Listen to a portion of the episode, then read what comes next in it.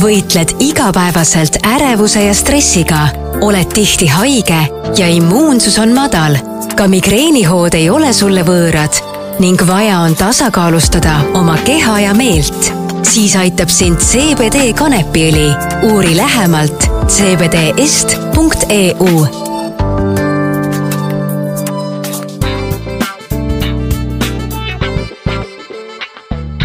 tere, minu nimi on Kristiina Heinmets ja te kuulate ajakirja Eesti Naine podcasti Iga naine on lugu. täna on stuudios minu väga hea lapsepõlvesõbranna, naine, kellega me oleme üksteisele lugenud sellised sõnad peale enne tantsuvõistlused ja pind päkka. Tema on alati olnud selles mõttes ikka esirinnas, mina olen siis sellise kõrvalpoolse tantsijana ikkagi olnud, tema on tulnud Eesti Vabariigis meistriks väga mitmel korral, minule on see kahjuks jäänud siiamaani unistuseks. aga elu on meid kokku viinud veel nii mitmetelgi kordadel, me oleme olnud ka ülikooliga kaaslased ja loomulikult saade Tantsud tähtedega viis meid taas kord ka tööalaselt kokku. tere tulemast, äh, Superwoman, poja ema Heili Klandorf! Oi, tere, tere, Kristiina ja kõik su kuulajad! see oli nüüd selline uhuhuu sissejuhatus kohe mulle, et no viimased kolmkümmend aastat tuli kõik üles lugeda, ei rohkemgi, kolmkümmend viis aastat vähemalt tõesti, tõesti, et, et tantsumaailm meid omal ajal kokku viis ja ei, ei ole midagi, me võistlesime koos sinuga finaalis Eesti no. meistrivõistlustel ja ega minagi eh, väga harva, kui, kui sinna noh, päris Euroopa maailmameistrivõistluste Äh, tasemeni küündisin, aga tõesti, mina tantsin kakskümmend üks aastat ja pärast seda veel kümme aastat äh, õpetasin, nii et äh, tantsumaailm pole olnud kauge võistlustants on ju tegelikult midagi sellist, et kui sa annad talle kas või väikese näpu, siis sa tead, et ta ei võta sul terve käe, vaid võtab sulle lausa hinge sul seest ära. Jah, nii paraku on, et mina ka ju alustasin tantsimisega pigem pigem sellepärast, et käisin, jõlkusin emaga trennis kaasas ja üks hetk enam ei viitsinud jope üle pea trennis magada, vaid hakkasin suuri tantsijaid järgi tegema ja kuna see kõigile tegi nii palju nalja, siis ma sain oma tähelepanu sealt kätte ja ja peagi see siis ei olnud, kui, äh, kui astus tantsusaali uksest sisse üks äh, Saku traktoristi poeg, mehine poiss, ma arvan, et me olime kuueaastased, Tarvo oli tema nimi, ja ma ütlesin, et selle poisi ma võtan. nii et äh, sealt tuli minu esimene tantsupartner ja siis enam ei olnud pääsu, tuli hakata käima mm, trennis tantsuvõistlustel ja minu lapsepõlve väga suur hulk nädalavahetusi möödus minnes reede, reedel rongijaamast rongi peale, sõites Lätti ja tulles siis pühapäeval ähm, vastu esmaspäeva öise rom-, rongiga tagasi kaasas äh, hunnik võidetud poroloon kummist äh, mänguloomasid, nii et, et äh, nii mu lapsepõlve nädalavahetused tihtipeale möödusid. siis meil on väga palju ühist, mida meenutada, sest minu võistlused olid ka samamoodi nädalavahetustel ning neid vabu nädalavahetusi mul ei olnud ja see on ka võib-olla mõnes mõttes see, mille järgi ma oma lapsi kasvatan, et mida rohkem sa teed, seda rohkem sa jõuad. just, tuleb rakkes hoida, lapsed ja noored seda küll. Heili, sa tegelikult rääkisid nii väga ägedalt, et sina valisid omale partneri teades sind need viimased kolmkümmend viis aastat, siis sina oled see naine, kes teeb kõik valikud ise. sinu sõna maksab, sinu valikud maksavad ja nii on ja nii jääb. kust sa oled pärinud sellise kindlameelsuse ja sellise selgsirge hoiaku mm? -hmm. no võib-olla alustan sellest, et ma olen keskmisest tundlikum persoon ja kindlasti keskmisest ka empaatilisem inimolevus siin maailmas. ja mul, äh, mul on selline väga tugev veendumus, et äh, iga inimene peab elama hästi tugevalt oma sisetunde järgi. mina olen seda alati järginud, oma sisetunnet, kui ma tunnen, et mul on kuskil halb, ma lähen ära, kui ma tunnen, et mul on kuskil hea, siis, siis ma maksimeerin seda head tunnet ja, ja üritan selles kohas või nende inimeste keskel kauem viibida Äh, samamoodi on ka kõiksuguste otsustega, olgu nad siis partnerlussuhetes ähm, vastassugupoolega või olgu ta siis töökohtade valikul, et äh, tegelikult kui sa kuulad oma sisehäält ja ei püüa väga ratsionaalselt argumenteerida iseenda sisehäälega, miks sa ei peaks midagi tegema, siis mind vähemalt on see elus edasi aidanud sa ei ole loonud endale siis kindlaid piire, ehk sa ei ole ennast kapseldanud kindlatesse sellistele, sellistesse reeglitesse, mis tegelikult ju keelavad meil oma sisehääle kuulamist? jaa, kindlasti äh, ei, ei sea ma iseendale piire, sest ka tänapäeva ühiskonnas ma näen väga palju, et tehinguid, suhteid, töösuhteid ka tehakse pigem ikkagi inimestega ja, ja lepitakse kokku inimestega, olenemata sellest, et et kas nad siis ühte või teist spetsiifikat mingil töökohal või mingil alal või mingis sektoris oskavad, et ennekõike esimesena tuleb inimene ja kui sul on viis võrdset kandidaati äh, näiteks äh, töökoha valikul mingile positsioonile, siis olgem ausad, me oleme kõik inimesed ja me valime ikkagi inimese, kellega meile sobib koos töötada või kes tundub meile kõige nagu mm, kollektiivi sobivam, et et, et jah, et ma ei sea endale piire ei oma professionaalses töös ega ka oma, ma ei tea, hobide valikul näiteks, eks sa oled olnud hästi järjekindel oma tööalastel valikutel. sa lõpetasid ülikooli ja sa olid põhimõtteliselt, võib öelda, meediamaastikul väga tippjuhi kohas juba väga varajasest, äh, kuidas öelda, vanusest, täna kahekümne viie aastaselt on see ainult unistus, et omada sellist positsiooni. sinul oli see uks avatud koheselt, et no need kogemused, need rahvusvahelised suhted, mis sa sealt said, et see oli ju fantastiline stardipunkt ju kogu eluks jah, ma arvan, et selles mängis tegelikult kõige suuremat rolli võib-olla isegi minu ülikooli lõputöö,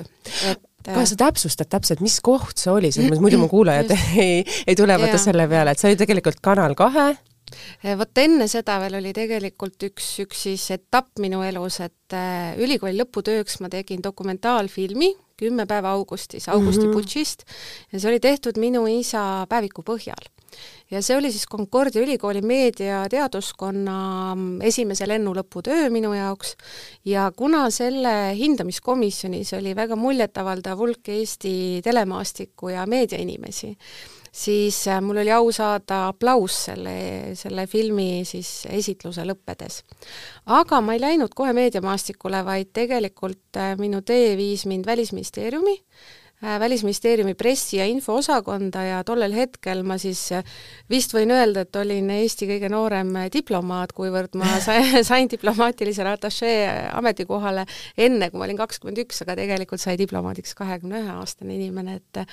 et äh, jah, ja siis ma olin neli ja pool aastat tegelikult Välisministeeriumi pressiinfoosakonnas, ka konsulaarosakonnas, aga jälle kuulasin oma sisehäält ja sain aru, et ma ei saa diplomaatilisel astmel või rankingu süsteemis kõrgemale kohale tõusta, kui ma ei lähe välismaale elama ehk mõnda Eesti Vabariigi saatkonda tööle. Aga no minu süda on Eesti küljes ja alati olnud, et mulle meeldib küll reisida ja maailma näha, aga minna aastateks kuhugi mujale elama ei olnud minu südame järgi valik ja neli pool aastat äh, siis hiljem tõesti äh, Kanal kaks äh, siis kutsus mind oma avalike suhete ja turundusjuhi kohale, et, et nii, nii läks tõesti järgmiseks kaheksaks ja pooleks aastaks sul ei olegi praktiliselt ju pausi olnud ja sa oled kogu selle kõrvalt alati kas olnud ise veel tantsuõpetaja või sa oled ka olnud selline Eesti siis, kuidas öelda, võistlustantsu eestkõneleja alati avalikkuse ees? Äh, jah, tööalaselt mul tegelikult sellist suuremat pausi ei olegi olnud äh, ja huvitaval kombel kaks tuhat kuus, kui ma Kanal kahte tööle läksin, siis äh, just oli ka Kanal kaks ostmas siis BBC saateformaati Tantsud tähtedega. ja eks äh, nii, et need kaks asja minu jaoks ühes kohas kokku said, ehk Kanal kaks oli see koht, kus nad kokku said, avalikud suhted ja turundus ja tantsumaailm oli ju tegelikult match made in heaven nii telekanali enda jaoks kui ka ilmselt minu, minu jaoks, et, et tantsumaa ja tant-, tantsumaailma ma armastasin, ma tundsin seda läbi ja lõhki ma ise olin kõigest äh, viis aastat või neli aastat varem ju aktiivse võistlemise lõpetanud, et see oli tõesti selline saatuse sõrm siis viis äh, minu Kanal kahe ja tantsusaate kokku. selle tantsusaatega sai ju Kanal kaks endale liidripositsiooni Eesti meediamaastikul ja ta on täna seda hoidnud no äh, ütleme, oleneb millises konkurentsis, et kui me võtame eratelekanalite konkurentsis, see on üks jutt, kui me võtame ka Rahvusringhäälingu ETV siia juurde, siis see on teine olukord ja tegelikult äh, tõesti mõneks ajaks tantsusaatest alates või sellest kahe tuhande kuuendast aastast alates, siis Kanal kaks sai telemaastikul liidripositsiooni, seda siis kõigi kolme telekanali võrdluses, täna on siiski vahekorrad natuke teised. täna on ETV meil esirinnas ikka ikkagi. just, ERR on ikkagi, ikkagi ähm, kõige vaadatum enamasti, et et ütleme jah, aga päris pikaks ajaks me tegime Tantsud tähtedega mm, äh, hooaegu viis tükki Kanal kahes, üks aasta jäi vahele, ehk kokku siis kuuel aastal, ja tõesti see, see kogu see panus õigustas ennast ilmselt ka telekanali üldvaadatavuse mõistes mida, kui sa mõtled tagasi sellele viieaastase, viie aasta peale, mida sa siis seal Tantsutähtedega oma energiat kulutasid, et mis on need eredamad hetked või need situatsioonid, noh, kus oli vaja leida lahendusi, et telesaadete juures ongi kõige olulisem oskus, kui sa oled sellega seotud, et leida kohe lahendus ja see aeg on sul heal juhul üks sekund jah, tantsusaade on, on selles mõttes ju omapärane, et kui me täna teame, et enamus suurstuudiosaated on ette salvestatud ja siis püütakse tihtipeale mängida maha, nagu need oleks päris otse-eeter, siis tihtipeale see nii ei ole või enamasti see nii ei ole. otsesaates sul ei ole muud valikut, sa pead, kui juhtub midagi põrandal, siis sa pead kohe reageerima, kui kui juhtub midagi selle väga tiheda treeningnädala jooksul, mis tähed ja tantsutreenerid siis trenni teevad, sa pead kohe reageerima, näiteks ühel aastal äh, oli ootamatu terviserike äh, Andrus Värnikuga tantsinud Kaisa Ojal ja me ei teadnudki, kas ta saab äh, või ei saa siis osaleda järgmises saates äh, ja, ja aga Andrus Värnikul tuli ju tants selgeks saada. siis ei jäänud muud üle, kui võtsin oma tantsukingad kapist ja kukkusin Andrusega tantsu vihtuma. ehk siis Kaisa kiiresti selgitas mulle ära, millist koreograafiat ta enam-vähem äh, mõtles järgmiseks saateks ja mina püüdsin siis selle Andrusele ära õpetada ja mm, õnneks Kaisa toibus päris kiiresti ja ikkagi sai ise tolles saates olla, aga no ütleme, väga lähedal oli see, et et mitte siis odaviskaja Andrus Värnik ja tema partner Kaisa Oja, vaid odaviskaja Andrus Värnik ja tema ähm, e-, eri, eriilmeline partner Heili Klandor sa tegelikult väga hästi räägid äh, ja see kirjeldab ka tegelikult sinu iseloomu hästi palju. sa oled alati olnud hästi abivalmis Äh, jah, ka see on ilmselt äh, midagi, mis on mul kuidagi, ma ei tea, kas perest või, või kusagilt kaasa tulnud, et et midagi ei ole teha, et on inimesed, kes mõtlevad enda peale äh, ja on inimesed, kes mõtlevad teiste peale, kui niimoodi väga äärmuslikult rääkida ja noh, mina siis üle keskmise taaskord kaldun sinna teiste aitamise poole, mis, mis pole alati iseennast kõige säästlikum viis elada et äh, see tähendab seda, et kui on mingid koolitööd, siis ma peaaegu alati grupitöödes olen see, kes äh, mingeid asju kuidagi veab või või kui ma näen, et äh, töö juures on kellelgi mure või häda, siis ega ma, ega ma väga hea selline selline pealtvaataja ei ole, kui kellelgi on mure või häda, et, et ikkagi ma pigem jah, aitan alati, et aga see võib tulla mõnikord enda arvelt sa räägid äh, selles mõttes väga ausalt. sa oled teinud endaga, ma näen, väga palju tööd, et sul on olnud väga raskeid hetki, et sa oled endast liiga palju andnud ja sa oled pea pidanud leidma selliseid eh, tugevusi endas, et leida ka oskust öelda ei võib-olla nendel hetkedel, kuidas sa tahaks aidata, aga sa tead, et sa pead iseenda panema esimeseks ja sa pead ütlema ei, kuigi sa seda ei tahaks,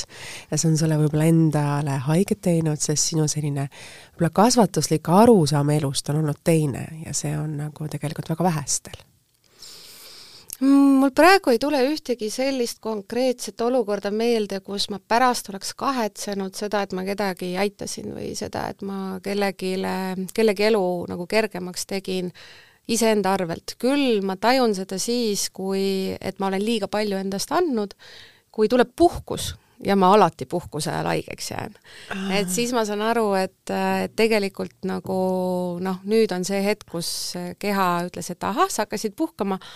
aga mul on vaja seda energiat nüüd sinu puhkuse aega selleks, et, et iseennast seest, seestpoolt niimoodi ravida, on ju, või, või mingit, mingeid äh, tervise siis hädasid äh, leevendada. Äh, ja teine asi, mis on ka alati, mida ma olen märganud, et kui ma lähen kuhugi väga sügavuti sisse mingisse teemasse, siis äh, ööuni on üks, üks kõige lihtsamini rikutavaid äh, asju minu jaoks, et siis ma paraku mõtlen öö läbi sellele juurproble-, probleemile või, või, või teise inimese murelegi ja ja see jah,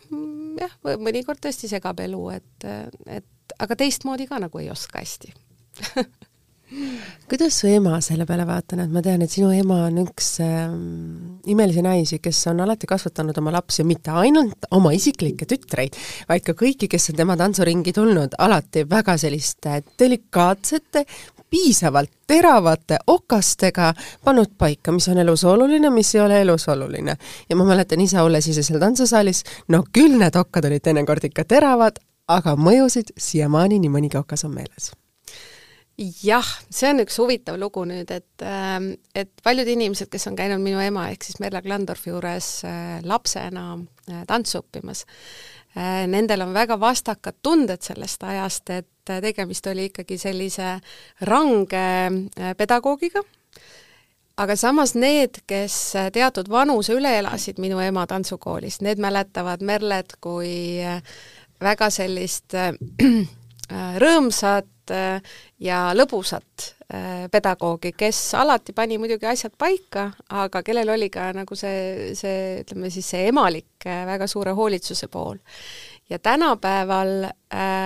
see Merle Klandorf, kes oli kunagi võib-olla paljude laste siis hirm pedagoog, on täiesti suurepärane vanaema oma kahele lapselapsele ja ja mina enam noh, ei näe kübetki temas neid, neid okkaid või neid selliseid ähm, karme, karme jooni, et et jaa, ta siiamaani lastega olles ikkagi püüab neid õigel teel hoida, nagu me, me omal ajal mäletame, aga, aga jah, et täna on ta siiski täisajaga vanaema. nüüd, mis minu ema ja isa mõlemad mulle ütlevad, et eks nad on mõnikord mures, sest nad teavad, et ma olen kohusetundlikum, kui võib-olla peaks ja äh, kunagi üks Eesti tipp-poliitik, naispoliitik mainis samamoodi, et selline nagu hea lapse või viielise sündroom on, on ähm, mõnikord või mõnedesse naistesse sisse kirjutatud, et ka minul on see täitsa olemas, et ma ei anna iseendale mõnikord hõlpu või armu ja ma tahan teha nii hästi, kui ma oskan ja suudan peaaegu kõike.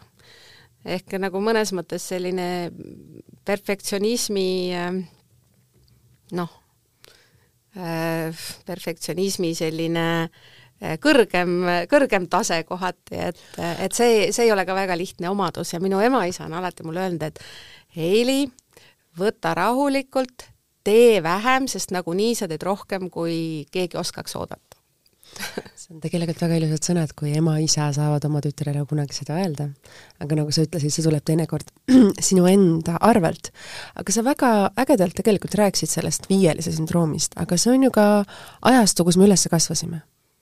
kus vähegi korralikus peres äh, kasvav tütarlaps kasvatatigi selliselt üles, et et sa pead olema tubli siin, sa pead olema tubli seal ja kuidagi koolis oli ka, et ainult viied on õigustatud, kui sa kahe saad, siis on see piinlik, et see oli võib-olla tolle ajastu sündroom mis sellistele viisakatele ja hästi kasvatatud tüdrukutele ka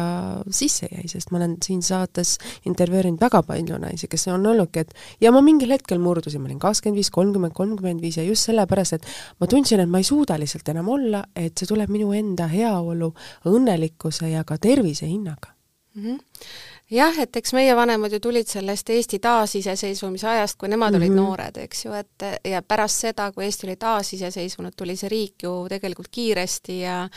ja, ja ka äriliselt üles ehitada ja loomulikult tahtsid meie vanemad meist ka kasvatada selliseid tublisid äh, uue Eesti inimesi, aga ma ei saa öelda, et minu vanemad oleks mind väga survestanud äh, kas olema väga hea õpilane või olema väga hea tantsija või olema üldse milleski väga hea, et ma arvan, et selle kooli sai võib-olla rohkem minu õde Helen, et ehk siis minu, minust veidi vanem õde Helen kui pere esiklaps, et minul juba noh, löödi nagu tsipa käega, las minna. Et võib-olla see on mul jah, pigem nagu ise vist aja jooksul kasvanud ja ma arvan, et see on see, et ma näen, et see toob edu, ma näen, et see viib mind elus edasi, minu professionaalses elus, minu tööelus, et see on võib-olla jah, see, et ma olen selline noh, ikka suti peast tahan olla viieline, et see pigem on tingitud sellest, et ma näen, et ta toob edu see on samamoodi väga julge väljaütlemine. aga sa mainisid nii ägedalt, et öeldi, et ah, las ta minna, oli vanemate arusaam juba teise lapsega, ei, siit tule mitte midagi. kas oli see sinuga veidi rebel iseloom, sest ma tean alati, et äh, ka ise mäletan tantsuvõistlustel, et sina olid see, kes alati kõigiga suhtles, kõigiga rääkis, sina rääkisid kohe, millised rullid on vaja, kust need saab, mis on vaja teha, kuidas need on vaja keerata, mismoodi, sinu õde oli alati nagu kuidagi selline pjedestaalile, aupaistel, et temaga ei mindud niisama rääkima, aga sina käisid, tegid kogu selle töö kogu perekonna eest ära nojah, pigem vist oli nii, et õde oli nagu tõeline sportlane, nagu tippsportlane ja mina ja. olin nagu selline noh, kui talle meeldib, las ta siis tantsib, et äh, või, või las ta siis teeb.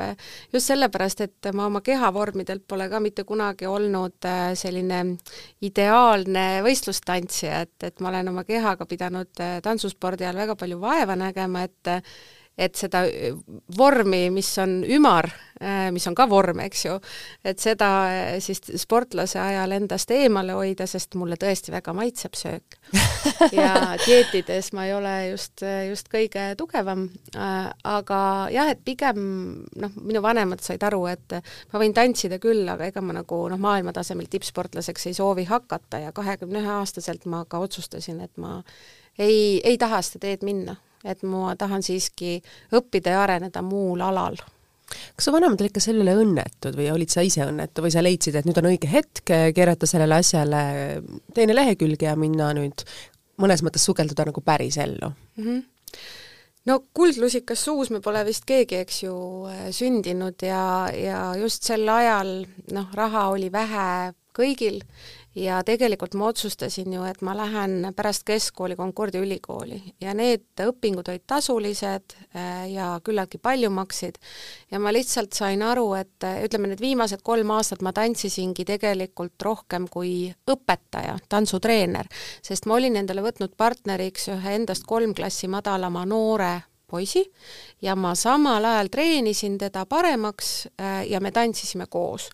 Äh, aga see ei olnud enam tippsport, see oli pigem nagu selline võib-olla eksperiment, et äh, kas tipptasemel või kõige kõrgemal tasemel tantsusportlane saab päris kiiresti treenida kolm klassi madalama poisi enda tasemega vääriliseks. ja, ja see oli minu viimased kolm aastat minu võistlustantsu elust paralleelselt, kui ma käisin ülikoolis. kas see õnnestus siis...? Äh, õnnestus äh, niivõrd, et me lõpetasime koos tantsimise ära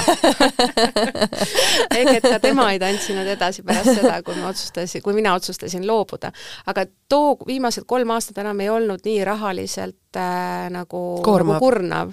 ja ma käisin juba ülikoolis ja siis ma otsustasin, et ma ei saa oma vanemaid niimoodi kurnata, et ma teen tipptasemel suhteliselt kallis spordiala ja investeeringuid nõudvat spordiala, kleidid, kingad, eratunnid, välismaa võistlusreisid ja samal ajal käin suhteliselt äh, kallis ülikoolis, et, et ma otsustasin siiski, et ma, et ma enam, enam vanemaid ei kurna niimoodi.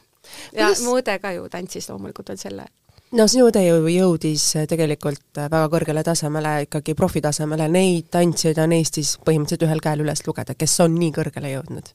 nii on jah, et Helen, kes siis ka nüüd kohe-kohe on Tantsud tähtedega žürii liige, et äh, tema siis äh, on, on tõesti omal ajal äh,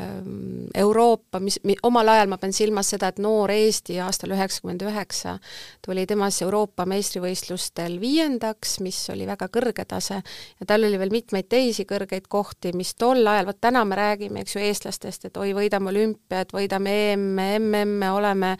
Äh, maailma tipus, aga tol ajal, noh, lähme ajas tagasi, oli ikkagi tegemist ju Nõukogude Liidust tulnud veel väga värske riigi sportlastega mida sa ise mäletad üheksakümnendatest, et see oli ju tegelikult katse-eksitusmeetodil üleskasvamise periood? oi, ma mäletan väga ägedat seika ma, see oli kusjuures isegi vist äh,, isegi vist ei olnud veel päris üheksakümnendad, vaid seal kusagil kaheksakümnendate lõpus. ema oli õega tantsuvõistlustel kusagil Lätis või Leedus või jumal teab kus, võib-olla ka Moskvas. Ja isa oli siis Tallinna, Tallinna miilitsas, politseis, ma isegi ei tea, kas see oli miilits või politsei tol ajal, aga olid vanalinnapäevad ja mina läksin isaga tööle kaasa. isa oli nimelt öösel valves, kui vanalinnapäevad toimusid ja mul oli elu kõige meeldejäävam öö vist, sest ma arvan, et ma olin mingi seitsme-kaheksane, isa kogu aeg siis pidi tegelema linnas toimuvate pisikuritegudega, mis vanalinnapäevade raames toimusid, aga ta leidis aega ka viia mind Varblasele, Varblane on siis Harju tänava juures olev, tol ajal oli see punker, kus kogunesid ähm, need ähm, punkarid ja ma tutvusin kõigi linna punkaritega. see oli minu jaoks väga erakordne seik, sellepärast et varasemalt olin ma tänaval punkareid alati kartnud, aga tuli välja, et tegemist on väga ägedate, toredate inimestega ja siis isa tutvustas neid mulle ja, ja meil oli väga tore punkariõhtu, kus me siis jooksime ka, vot tol ajal oli eh, kombeks ka mööda vanalinna tänavaid teha selline suur inimkett ja joosta siis läbi vanalinn inimketis ja mina jooksin siis punkaritega koos inimketis äh, mööda vanalinna, et äh, il-, ilmselt siis isa võttis mulle taolised lapsehoidjad tolleks õhtuks ma küsiksin parem seda, et äh, kui su ema koju jõudis ja sa neid asju emale rääkisid, siis teades sinu ema väljapetust, siis mida ta selle peale ütles? No ma arvan, et ta usaldas nii palju isa valikuid, et, et ju ta, ju ta nõustus sellega, et ma olin heades kätes, et tegelikult äh, punkarid olid ju lihtsalt ähm,, lihtsalt oma välimuse kaudu mässajad, aga nad on ju kõik toredad ja head inimesed. Kas sellist äh,, kuidas öelda, kõrvaltoas natukene kõvemat häält sa ei mäleta, et sa oleks kuulnud? ei, ei mäleta, minu vanematel oli nüüd see erakordne oskus mitte meie ees oma, oma erimeelsusi klaarida ja selle eest ma olen neile väga tänulik see on hästi tänuväärne oskus. jaa, jaa, olen nõus mis on need õpetussõnad, mida sa oled oma emalt kaasa saanud, et me oleme hästi palju sinu perekonnast nagu, nagu rääkinud, sa oled rääkinud, kes sa ise oled ja milliste detailide ja asjadega sa pead tööd tegema, mida sa endas ka hindad, ja samas teinekord pead oskama neid tasakaalus hoida. aga mis on need väärtused, mida sa oled alati oma emalt kaasa saanud mm,? ma arvan, et emalt ongi vist äh, kaasa tulnud see, et kui sa võtad midagi teha, siis tee see ära. tee tähtajaks ja ära noh, nõndanimetatud lase inimesi üle. et see on kõige halvem asi, mida võib, mida võib teise inimesega teha, et sa ei juhi ootusi. et kui, kui sa oled lubanud ära teha mingi töö, et siis ja ise või, või teine pool on sätestanud sulle tähtaja, kui sa ei suuda seda tähtaega täita, siis anna natuke paar päeva varem teada, et kuule, ma kas me saaksime leppida pikemas tähtajas kokku jah, minu ema on õpetanud sellist, äh, selles mõttes küll kohusetundlikkust, et kui sa midagi võtad teha, siis tuleb see ära teha. Äh, nüüd isa poolt pigem ongi see, et ähm, et kui sa teed, siis ära tee enda arvelt. Nii, et sa tunned, et sa oled hästi teinud, see on okei okay,, aga kui sa tunned, et teised juba kasutavad sinu headust või sinu sellist oskusi ja ja, ja kogemuste pagasit ära ja see kõik tuleb sinu arvelt, siis, siis võta mõelda ja astu samm tagasi. väga tänuväärsed sõnad. nii on. su isal on olnud ka selles mõttes väga suur poliitiline karjäär ja ta on olnud küll mitte võib-olla avalikkuses väga palju, aga ta on olnud selles mõttes taustajõuna väga tugeval positsioonil. mida sa ise mäletad võib-olla nendest kriitilisematest hetkedest, asjadest, sa just mainisid ka seda, et sinu lõputöö oli erakordne et sul oli võimalik lapsena omada selliseid materjale ja teha nagu üliõpilasena sellisest materjalist töö, mis on võib-olla unistus täitsa täiskasvanud äh, dokumentalistile mm,? Jah, siin praegu nüüd oli nii palju teemasid korraga hakkas peas jooksma, et ähm, vali üks vali üks, jah äh, et võib-olla isa puhul me oleme, me oleme isaga mõnes mõttes hästi sarnased, et sa alustasid küsimust selle, selle poliitilise karjääriga, et ta ei ole kunagi selline silmatorkav või edev poliitik olnud, vaid ta on kuidagi tegutsenud nõndanimetatud tagatubades, siis äh, selles osas me oleme vist isaga hästi sarnased, et ka mina ei ole kunagi ise pürginud äh, lavale või, või kaamerate ette rambivalguses ilmtingimata Mm, et see pole, see pole mina.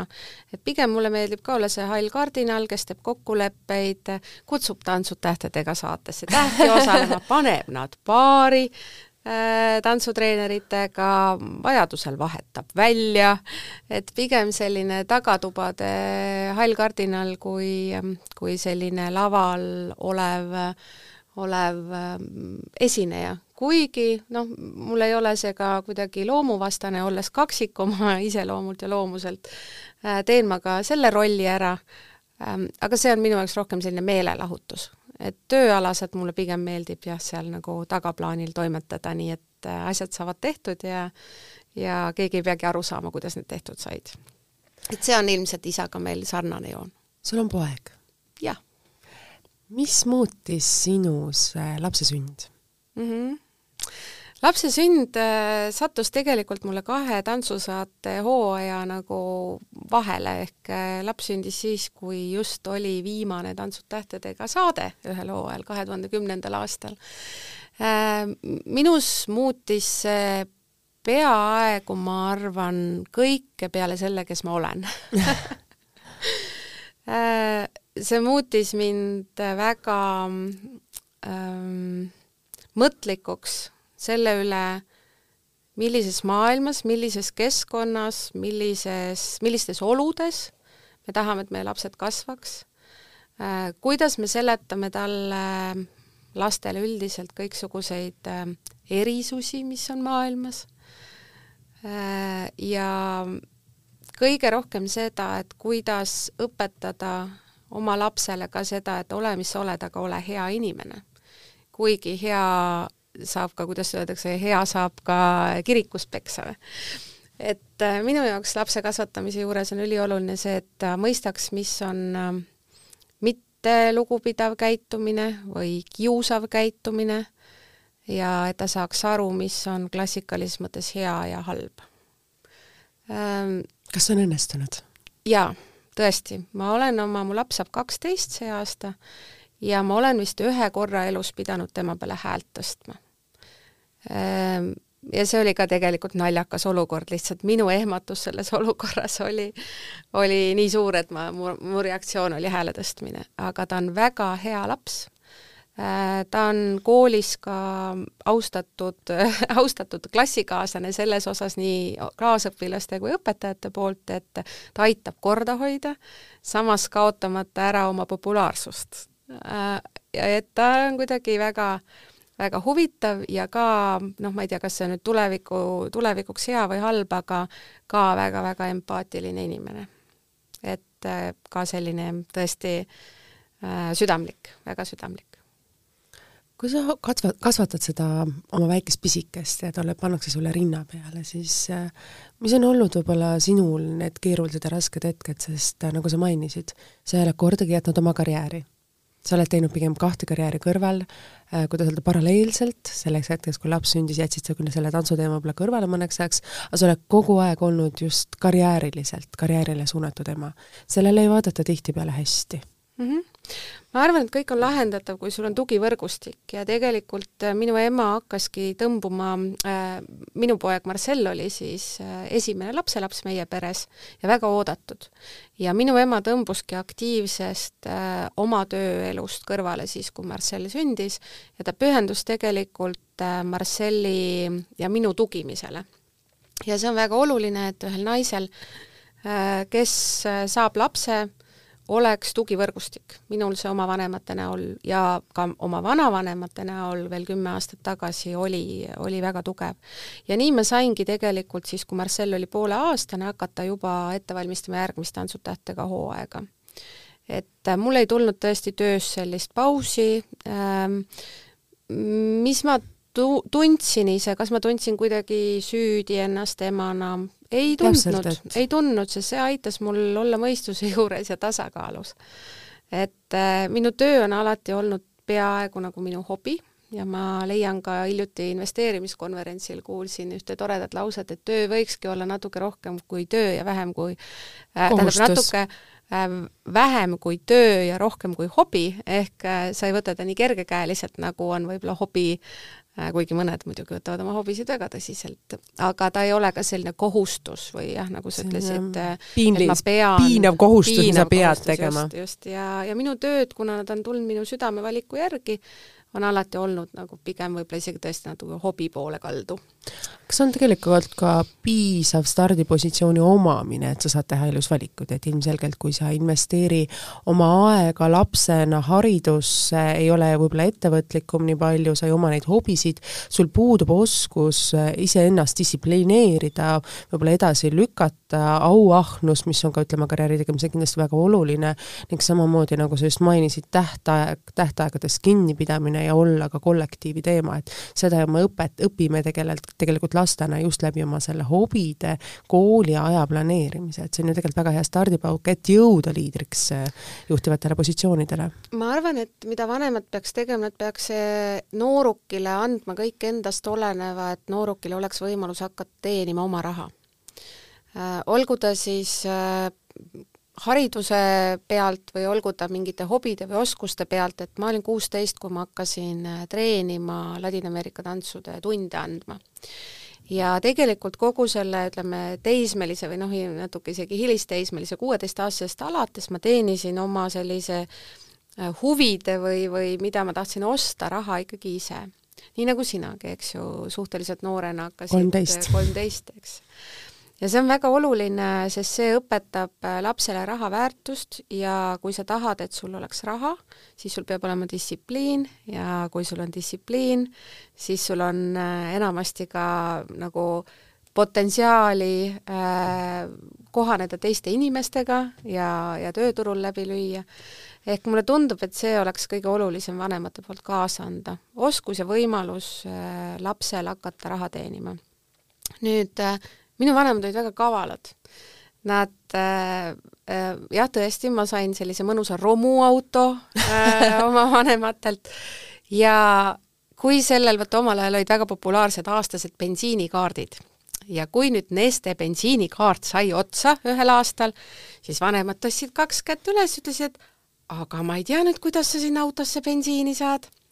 ja siis, kui sellel äh, romul automaatkäigukast ära lagunes, siis vanemad tõstsid kaks kätt püsti, meie muretsesime sulle selle esimese autoga, nüüd ma ei tea, kuidas sa edasi saad. ehk et mu vanemad niimoodi samm-sammult võtsid oma toetust, oma majanduslikku rahalist toetust mult tagant ära ja mina siis samm-sammult suurendasin oma sissetulekuid, äh, noh, võttes rohkem tööd või asudes siis aktiivsemalt tööle, sest ma ei tahtnud ju nendest hüvedest loobuda, mis mul oli vanemate poolt juba kunagi tekitatud väga ägedalt käitutud ja väga ägedalt selles mõttes ja. last, lapse positsiooni, kuidas öelda, kindlustamine, samas talle ka vastutuse andmine. see oli väga põnev, ma mäletan neid esimesi hetki, kui ups, aga nüüd see kaart sai otsa. mis sa tegid siis, just ma tahtsingi küsida, et kuidas sinu reaktsioon oli, et äh, Äh, no kiiresti tuli ju reageerida, et kui sa lähed tanklasse ja see kaart enam ei tööta, siis pidi olema kuskil raha, millega ikkagi maksta ja siis ma ikka korra protestisin vanematega, et mis see nüüd tähendab, kas nüüd siis nii ongi. ja nemad jumala stoilise rahuga ütlesid, aga loomulikult nii nüüd ongi, et ega sa oled juba nii suur, et eks sa pead ise hakkama siin vaikselt hakkama saama. ju see oli neil mingi kokku lepitud äh, strateegia, ma arvan ma arvan, see oli väga nii, et seda tuleks kõrva taha endalgi panna, et teinekord, kui on midagi vajadust teha, siis tuleb panna olukorda, et sul on asi olemas, aga leia vahendid ise. Äh, just, ja, ja tegelikult ei saa öelda, et ka mina täna juba rakendan seda oma lapse peal, et kui tema tahab ikkagi arvutit saada, mis on tänapäeval ju laste selline oluline, oluline asi seal, seal toas, siis me ikkagi ei osta seda talle, vaid me kaasfinantseerime temaga seda, et, et ta juba täiesti saab aru, mis on raha ja ja et kõike, kõike päris äh, nipsust ei saa.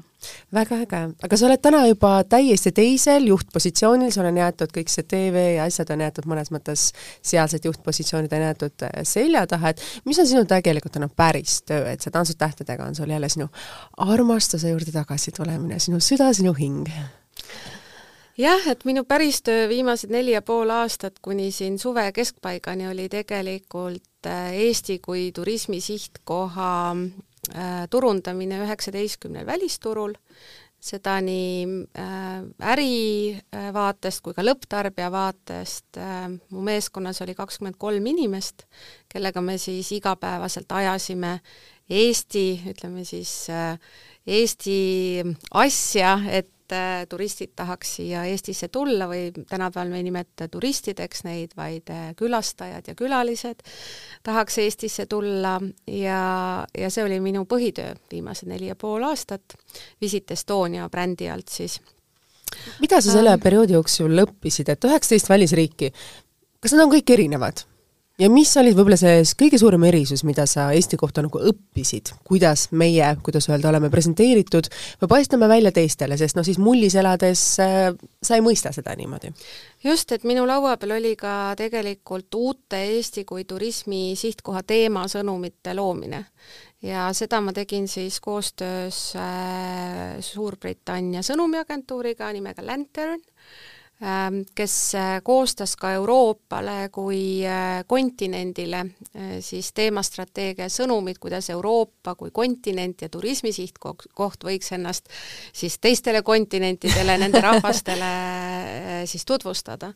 ja sellesama seltskonnaga oli mul siis au välja töötada Eesti kui turismi sihtkoha teemasõnumid looduse, kultuuri, toidu ja kestlikkuse teemadel. ja need laused olid? No laused on nagu, nagu raske öelda, et see ikkagi, see dokument on üle saja lehekülje pikk äh, kõikide Eesti siis äh, tugevuste ja nõrkustega, kuid see ütleb, et saada seda tunnetust kätte, siis äh, noh, sellised laused nagu where everything moves slowly except for, for the wifi, eks ju, kus, kus kõik liigub muu nagu aeglaselt ja rahulikult võrreldes muude maailmadega peale wifi või where fast food comes as fast as it grows kus kiirtoit on nii vähe au sees mõnes mõttes, et see tõesti tulebki nii kiiresti, kui ta sealt muru seest kasvab või, või puu otsast tuleb, et rõhutades siis meie puhast toitu. et need, kõik need laused, mis sealt kokku tulevad, on tegelikult äh,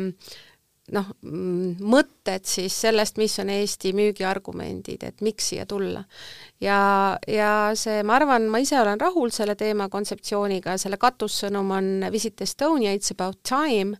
ja ehk tule Eestisse on aeg ja see on selline sõnade mäng, et äh, it's about time on, et, et see räägib äh, ajast, et Eestis sa võid olla kuid ja isegi aastaid ja sa ei ole, ei saa kõike vaadata, mis siin on, sest uh, there is an extra season to see it, viidates meie viiendale aastaajale, ja samas uh, siin on aeg nagu rätsep töö sinu enda jaoks, et sa võid väga palju näha väga lühikese ajaga samamoodi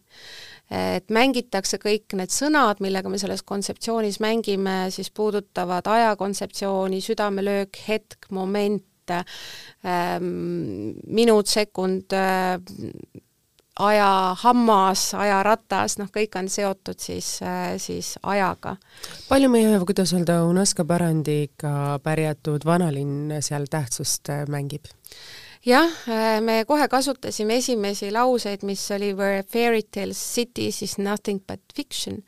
ehk et, äh, et äh, Eesti on riik, kus tegelikult muinasjutulinnad on päriselt olemas ja kasutasime siis Covidi vahepealsel ajal, ma ei mäleta, kas see oli nüüd kaks tuhat kakskümmend või kaks tuhat kakskümmend üks, kaks tuhat kaks äkki oli, vot enam täpselt ei mäleta, vist oli kaks tuhat kakskümmend üks jõulukampaanias see väike ajaaken, mis oli võimalik äh, inimesi Eestisse kutsuda Covidi perioodil ja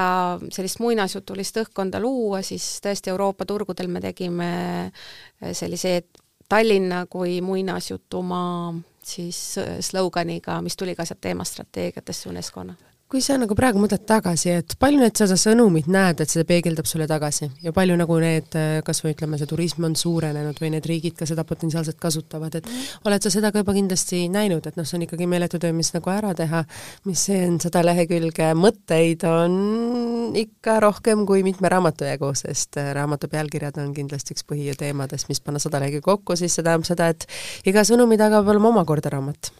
just nii on, tegelikult äh, me ei olegi saanud või, või ütleme, Visit Estonia ei, ei olegi saanud neid sõnumeid väga pikalt kasutada, sellepärast et need said valmis kaks tuhat kakskümmend detsembris ja noh, praegu on kõigest kaks tuhat kakskümmend kaks poolik ja kõigi nende juurutamine, et kogu Eesti ja meie meie ka tavainimesed äh, saaks teadlikuks kogu sellest teemast, et see võtab aega, et praegu vähemalt enne minu lahkumist Visit Estoniast me töötasime selle kallal, et erinevad siis äh, erialaliidud ja hotellid ja restoranid ja kogu äh, siis külalislahkuse sektor oleks nendest teadlik, et Eesti riigi turundusgrupp oleks sellest teadlik, ehk siis erinevate Eesti riigiasutuste turundusinimesed, et kogu EAS KredExi ühendorganisatsioon oleks sellest teadlik, ühesõnaga me juurutasime tegelikult neid sõnumeid, et, et me üheskoos hakkaks rääkima nende sõnumitega Eestist kui turismi sihtkohast ja mis on selle väärtused. Äh, me oleme suhteliselt vähe, jõudsime teha kampaaniaid välisturgudel, sest vahepeal läks jälle elu kinni meil ja, ja. kampaaniad tuli mm. tagasi tõmmata. aga ma usun, et kui vähegi nüüd jätkatakse nende sõnumite kasutamist pikemas perspektiivis, siis, äh, siis nad, nad töötavad. kui sa vaatad nagu nende sõnumite asjade peale, kuidas on see vastu võetud, see võib-olla selline naljakas seik sul iseendal, sa ju sellel perioodil ka kindlasti reisisid praktiliselt kindlasti need üheksateist riiki suures osas ka läbi, et äh, mis olid sellised huvitavad kogemused hmm.?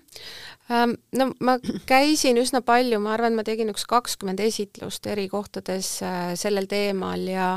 ja see vastuvõtt oli, oli väga soe, äh, mulle tundub, et väga lihtsate ja kiirete lausetega, nagu ma mõned siin nimetasin, on võimalik äh, öelda tänaval võõrale inimesele, et aga miks ma peaks Eestisse tulema. ja kui sa ütled need äh, paar lauset, mis, äh, mis panevad mõtlema inimest, et et nagu ma tõin näite, et where fast food comes as fast as it grows, noh, esmapilgul nagu su kõrv hoomab seal sõnu fast food, on ju, ja grow, nüüd sa paned kokku selle ja saad aru, et see mõte on hoopis sügavam et äh, ta vajab natuke sellist süvenemist ja ja hoomamist, et sa, et sa mõistaks seda, seda sügavust ähm,. aga mulle tundub, et teiste riikide, et me natuke võib-olla liiga palju tähelepanu ähm, paneme sellele, et, et meil on erinevad riigid. et jah, meil on üheksateist turgu, aga inimesed ja tema põhivajadused on samad ja tänapäeva inimesed ikkagi rohkem, me turismiturunduses tegelesime ka passion-based tourismiga, mis tähendab seda, et sul võib olla sa-, kaheksakümne viie aastane sakslane ja sul võib olla kaheksateistaastane ameeriklane, aga kui nad mõlemad äh, tahavad äh, metsas uitada, siis äh, noh, vahet ei ole, kas sa oled kaheksakümmend viis või kaheksateist, kas sa tuled Saksamaalt või sa tuled Ameerikast, kui sa tahad metsas uitada, siis sa tahad metsas uitada. ja siis tule siia Eesti metsa uitama, on ju, et pigem me lähenesimegi ka turunduses viimased aastad juba väga tugevalt siis äh, Äh,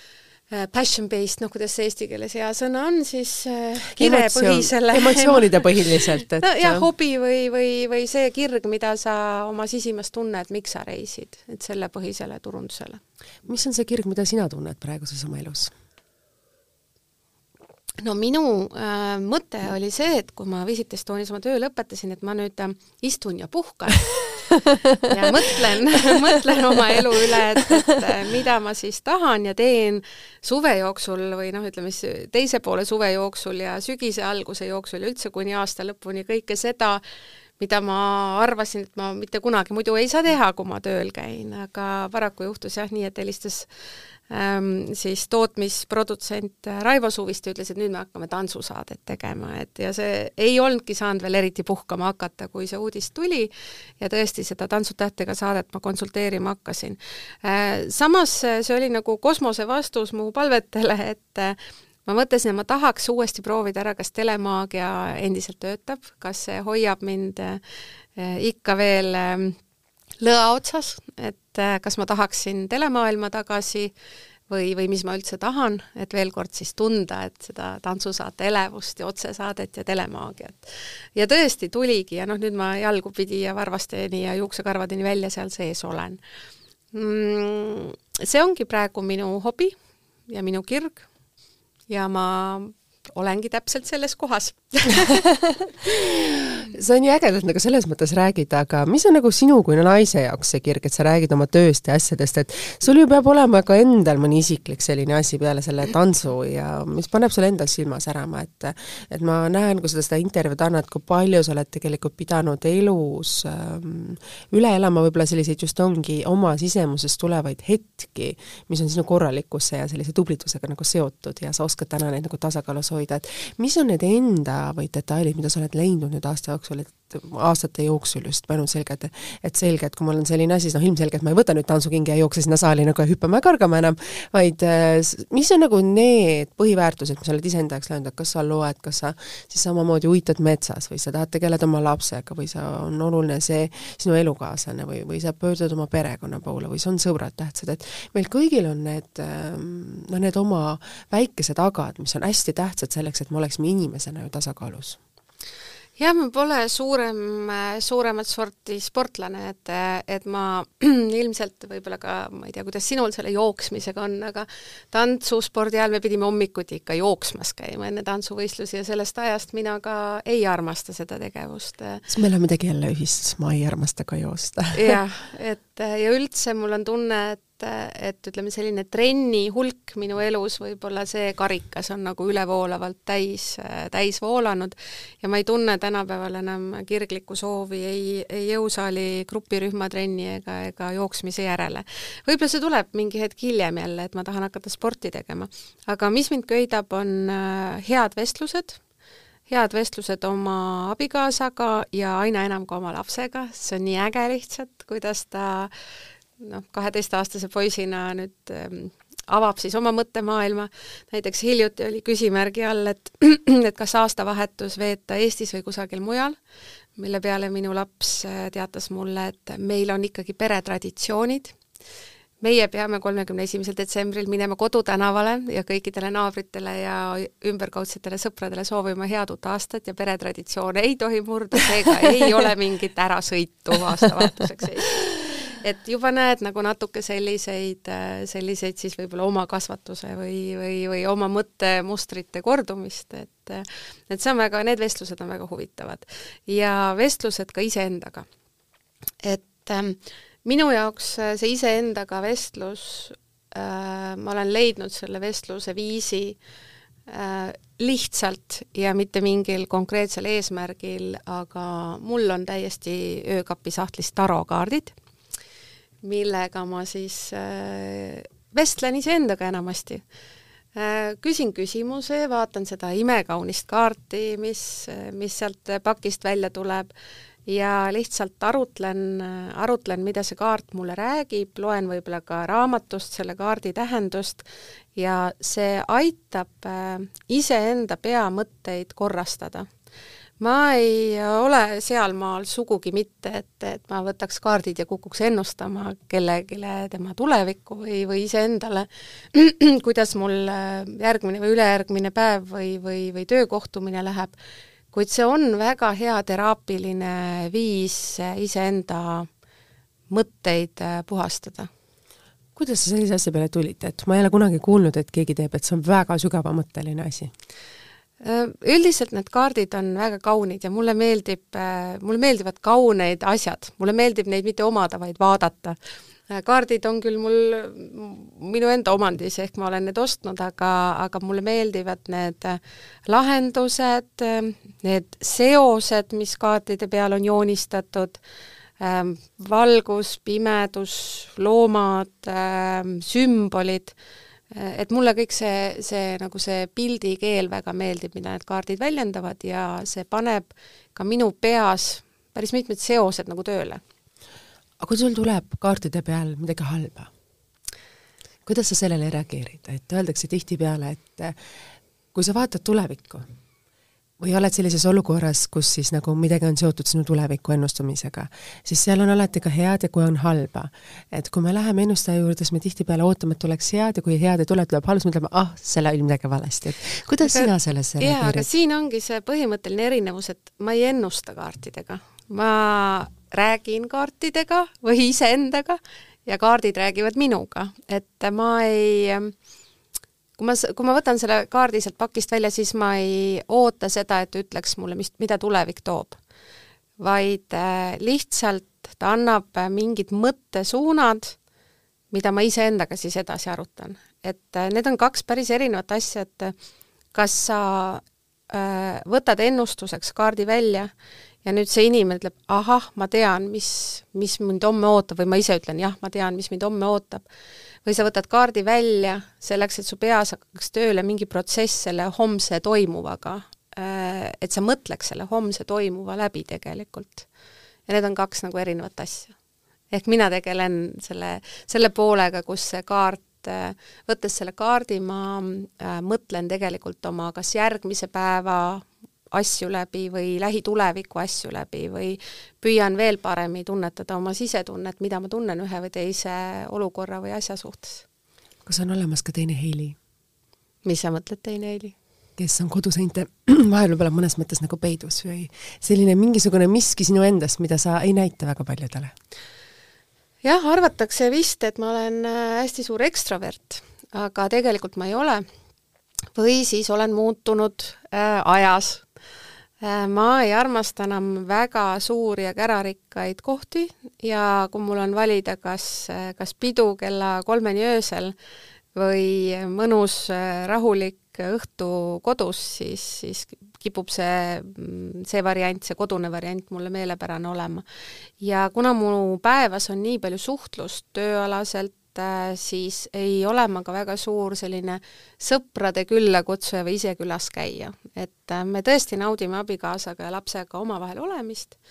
ja, ja jah, me ikka, loomulikult käivad meil külalised aeg-ajalt meie külas, aga see ei ole meie jaoks valdav õhtu veetmise viis. Ja pigem ma tahan rahu ja vaikust ja rõõmu, eriti kodus. Aitäh sulle, Heili, et sa tulid siia saatesse, aitäh, et sa jagasid oma nii, nii teistmoodi ja sügavaid mõtteid, mida tegelikult sinu kohta artikleid või neid erinevaid emotsioone lugedes internetist ei tuleks selle peale. Aitäh kutsumast ja noh, loodame, et see tunnike või kui pikk meil see podcast on aitab võib-olla nii mõnelgi naisel oma, oma mõtteid elus seada ma loodan ka. aitäh sulle veel kord, Heili, et sa siia saatesse tulid. tantsud tähtedega meil on eetris juba kahe päeva pärast pühapäeval nii et saab olema väga äge, nii et mõelge kõik, kes te seda saadet vaatate, et siin stuudios see tunnikene oli just see naine, kes on selle produktsiooni väga suur lüli, sest nagu ma ütlen, ükski tantsija ei ole sellel laval niisama, vaid tema on tema üle vaadanud, tema välja sättinud, kleitivärvi isegi teinekord ise valinud, sest ei saa ju olla ühes saates viite või nelja punast erinevat kleiti, peab ka värve omavahel jagama uhuhuu, nüüd tuli küll pinge peale, äkki ongi just kõigil punased no vot, täpselt teades, teades sinu perfektsionismi, mis ka siin saates veel välja tuli. aitäh sulle veel kord, Heili, ja kallid, kallid kuulajad, tänan, et te olite selle tunnikese meiega. nädala pärast juba uus saade, Tantsud tähtedega on teil ka siis kindlasti juba vaadatud, emotsioonid üleval ja siis on ka meie stuudios juba uus külaline. aitäh teile ja nägemist!